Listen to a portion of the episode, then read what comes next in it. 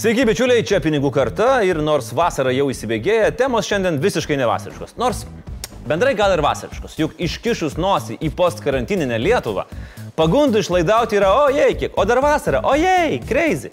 Pinigų gali prireikti ne tik smagiems dalykams, bet ir sudėtingesniems dalykams, jeigu jūsų pajamos laikinai sumažėjo. Tad šiandien pagrindinė tema - būtent kaip imti arba neimti vartojimo paskolą. O rubrikoje tada ir dabar europarlamentaras Viktoras Uspaskich, ką jis kalbėjo prieš 10 metų pinigų kartoje ir kaip jis reaguoja į savo žodžius dabar. Taigi, pirmin.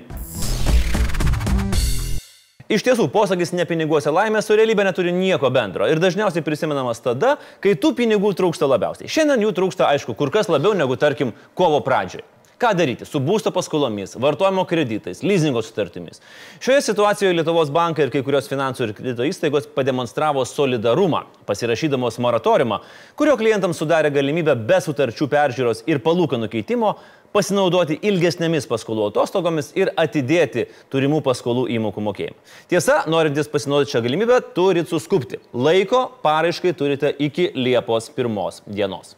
Visi bankai paskelbė paskolų gražinimo moratoriumą tiem klientam, kurie susidūrė su sunkumais e, rinkoje atsitikus e, e, įvykus šią situaciją. Ir vartojimo paskolas galima pagal jį atidėti, vartojimo paskolų palūkanų mokėjimą iki šešių mėnesių. Didžiausia dalis, gal pusė klientų, nurodo, kad šiai dienai ženkliai sumažėjo jų pajamos. Kažkur trečdalis įvardina, kad neteko darbo, nutruko jų darbo santykiai ir maža dalis yra, kai visai prarado pajamas arba nurodo kitas kažkokias priežastis, dėl ko jie prašo tokio dėjimo. Jeigu krizės metu greitasis kreditas tikrai yra akmuo po kaklu, tai vartojimo paskola atrodo galbūt protingesnis sprendimas kamšant finansinės kilės. Bet atrodo, žinot, laikai pasikeitė. Keista ir turbūt džiugu, kad dabar net ir atsidūrę sudėtingoje ekonominėje situacijoje, skęstančių šeimos biudžeto ar mažų savo verslų žmonės neskubėjo gelbėti vartojimo paskolomis. Lietuvos banko duomenimis per pirmus tris šių metų mėnesius vartojimo paskolų Lietuvoje išduota beveik trečdaliu arba 27 milijonais eurų mažiau nei per paskutinius tris praėjusių metų mėnesius. Pirmas mėnuo vartojimo kredito sektoriai buvo maždaug minus 50 procentų srauto. Ne, tai reiškia ženkliai mažiau paraiškų, ženkliai mažiau patvirtinto finansavimo suteiktų vartojimo kreditų. Ir jo, ir tą sąlygoja turbūt du dalykai.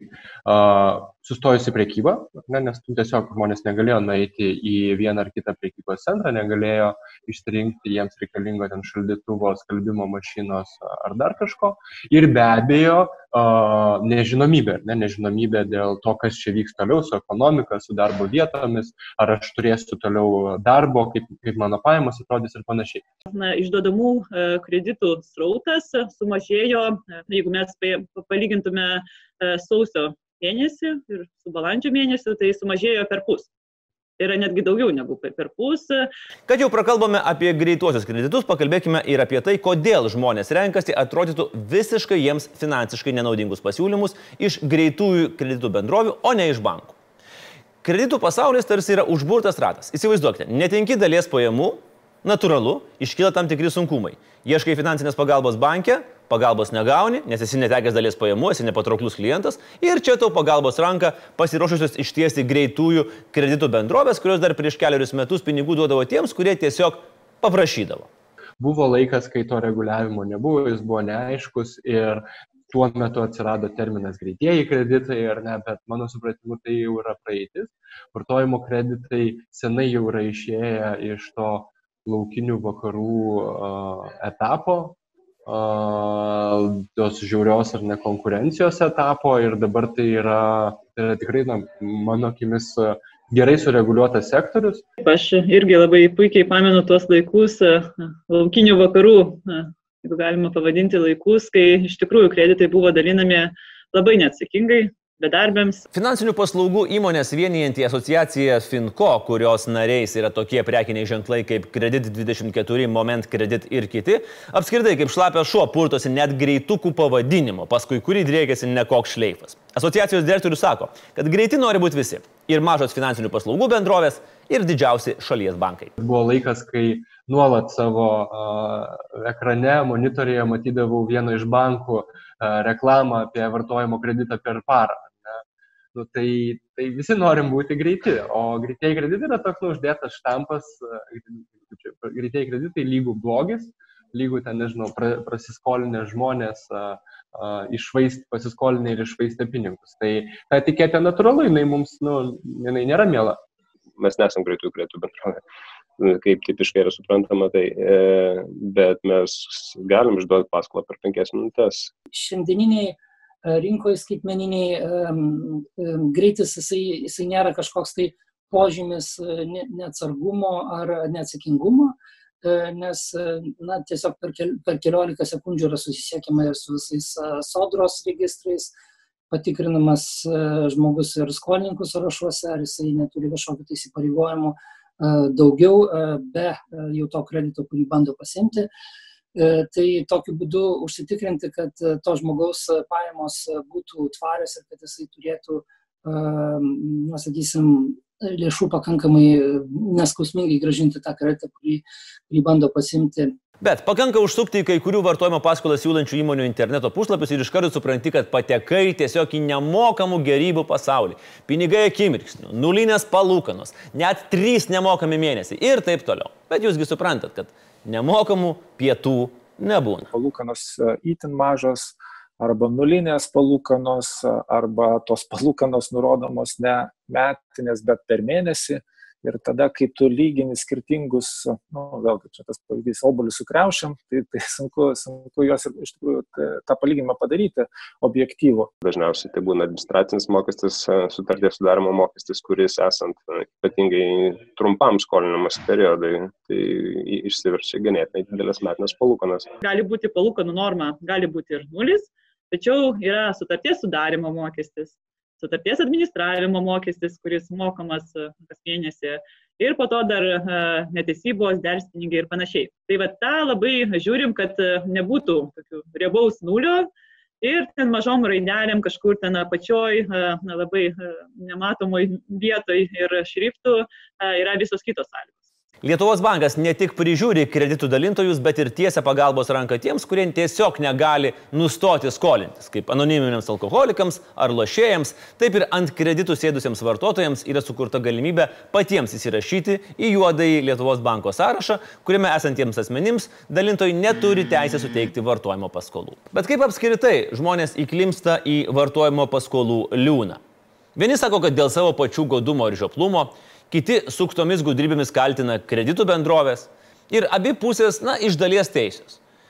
Kreditų dalintojai vilioja mažomis palūkanomis, bet įkala, pavyzdžiui, keliasdešimties eurų mėnesinį sutarties aptarnaimo mokestį, o visų sąlygų neišanalizavę ir minties apie artėjančius pinigus apžavėti vartotojai, lengva ranka raito parašus ant tokių sutarčių.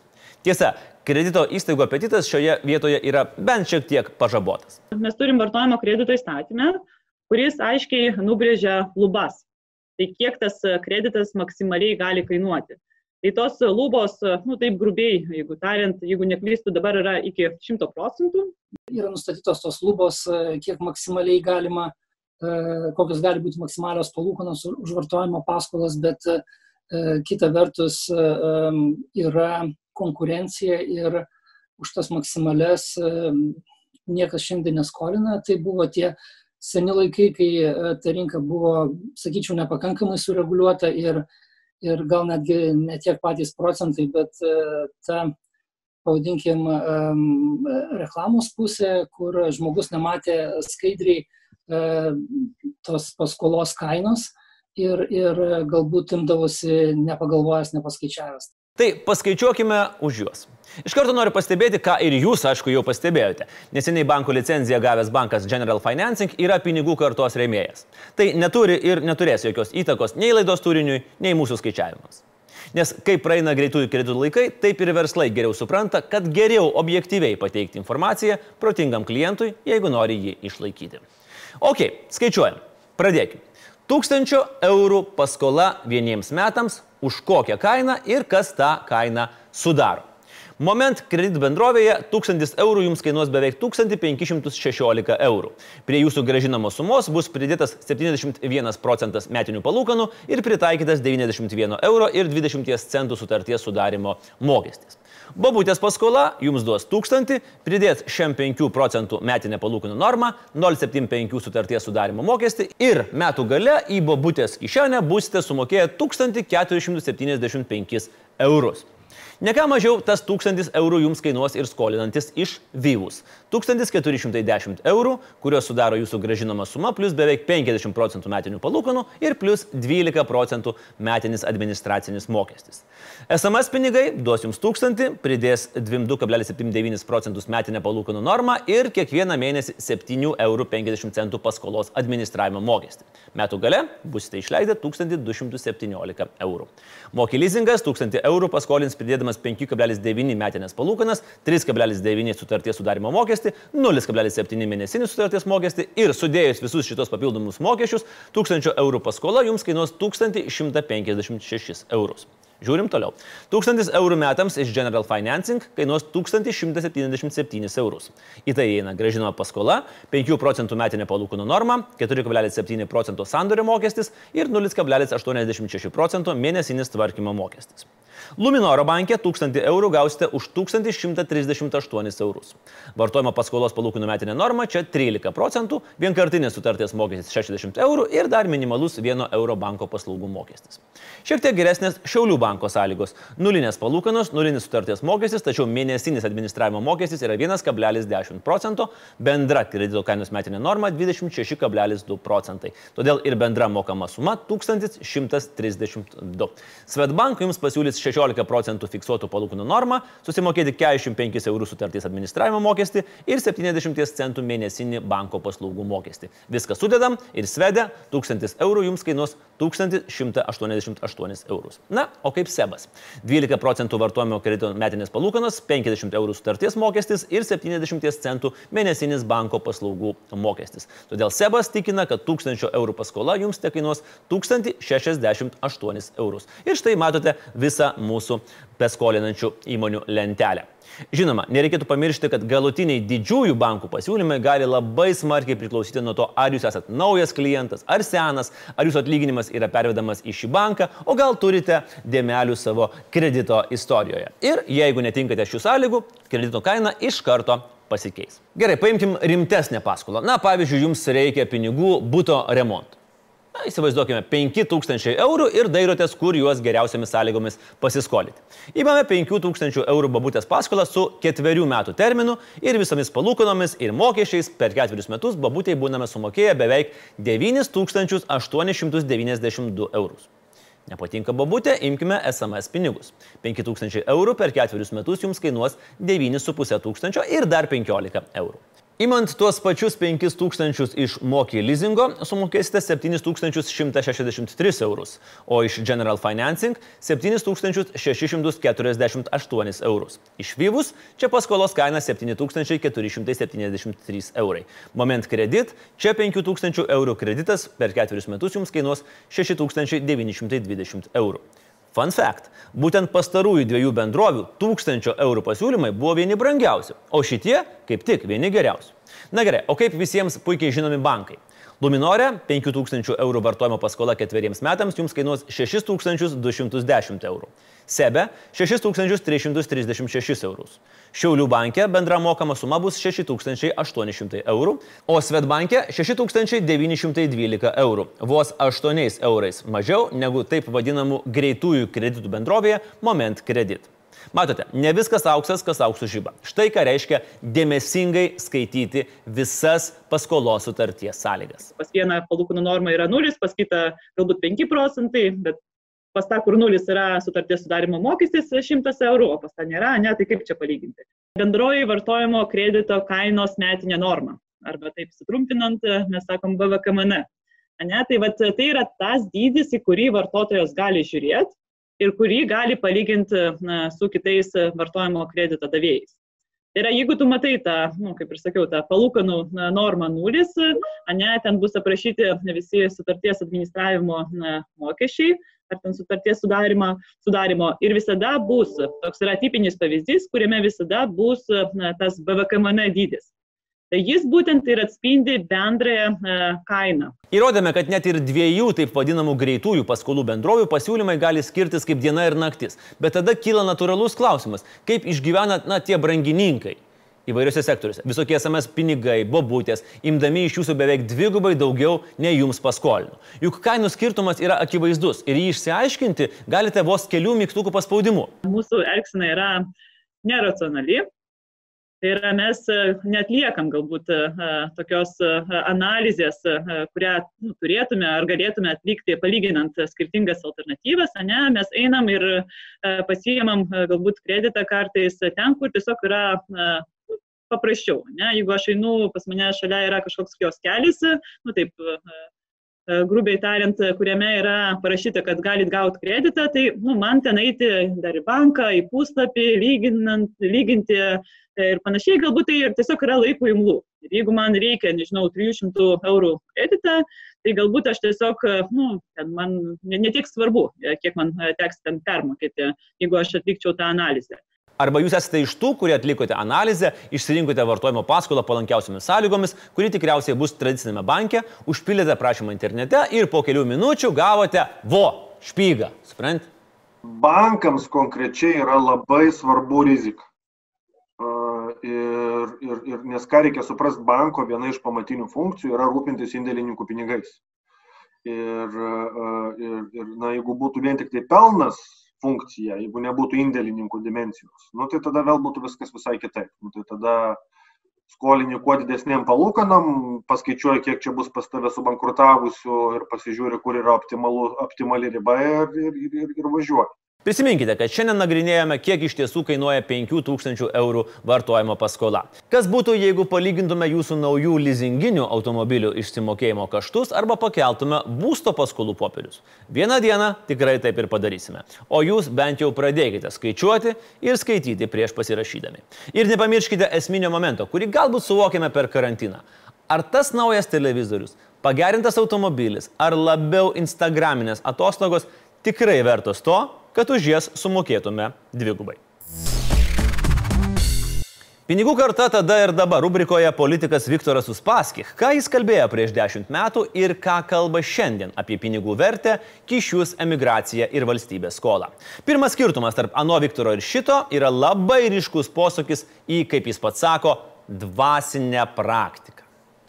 Pinigų vertė man senai e, praktiškai kaip perkamoja jos galia nuėjo į antrą planą senai. Pinigai tai yra pažyma už tavo verslą, strategiją.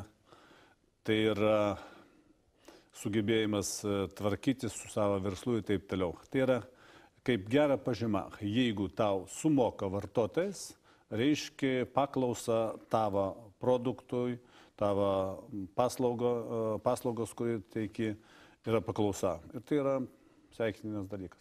Dabar dar laisviau žiūriu, nes tada dar e, taip e, stipriai neužsiminėjau dvasinį praktiką, kaip dabar vyksta dvasinė praktika, samoningumo kilimo praktika ir taip toliau, tai pinigai tikrai ne pirmoji vietai. Tikrai ne pirmoji vietai. Tuo labiau aš dabar aktyviai užsiminėjau verslų, daugiau vaikai užsijima, todėl man užtenka tiek, kiek yra. Tada Viktoras nerimavo, kad Lietuvoje yra korupcija ir neefektyviai panaudojami ES pinigai. Ironiška, žinant, kiek visko nutiko per dešimt metų. Iki šiol nuo pats pradžios mokėjo ir moka ir matyt artimiausių metų mokės tos kišius, todėl kad e, tai mata tiek, kiek atėjo pinigų pagalbos iš ES, beveik 50 procentų tik efektyviai panaudoti. Iš ES mes nemažai gaunam, jeigu patikrinti jų efektyvumą. Nu, gal dabar jau ne 50, bet tikrai kokį 30 procentų efektyvumą galima padidinti e, šiandien. Tai yra faktas. Ir e, kontroliuojant įvairių struktūrinių objektų, e, nemažai jau buvo spaudoje, kad matosi, kad pinigai panaudoti neefektyviai ir kiliai, geležinkeliai ir taip toliau. Aš galvoju, kažkokia ta padėkos forma egzistuoja. Iš vienos pusės aš labai džiaugiuosi, kad jaunimas važiuoja įgyti patirtį ir taip toliau, kažkur tai užsikabinti. Vienas, vienas dalykas. Bet kaip aš nusiražiau išvažiuoti iš Lietuvos, aš labai pergyvenu, kas bus po 15 metų, kada mes prarasim grinai visą kartą. Mhm. Iš visų išvažiuojančių dabar pagal statistiką 40 jaunimas. Ta karta, kuri išvažiavo, tokia darbinga karta, jinai ten, pas mus tai trūksta. Ir šiandien e, aš jau netaip snai pardaviau vieną įmonę, tai e, mūsų įmonė važiuodavo į rajoną dirbti iš keturių gal rajonų. Tai, tai rodo visiškai pasitvirtina tas mano, tas mano, mano prognozija, kad išvažiuos vis, e, visiška karta. Karta tikrai išvažiavo. Aš visą laiką buvau už tai, kad reikia kelti minimalų atlyginimą. Su minimalų atlyginimą kils ir ir vidutinis atlyginimas. Plus čia turi būti, turėjo būti paketė ir sudaryti sąlygas investicijams į tą sferą, kurį eksportuojam ir konkuruoja vidaus rinkai su importu. Jeigu būtų tai padaryta, tai visas tas darbo vietas saugota ir, ir migracija būtų du kartų mažesnė. Va dėl ko žmonėms patinka Viktoras, va dėl tokių užtikrintų ir iš piršto laužtų pareiškimų. Visos darbo vietos išsaugotos, emigracija dvigubai mažesnė, jokių duomenų, jokių faktų, tik užtikrintas kalbėjimas su tauta. Gerbimieji, mes patys save apgaudinėjame.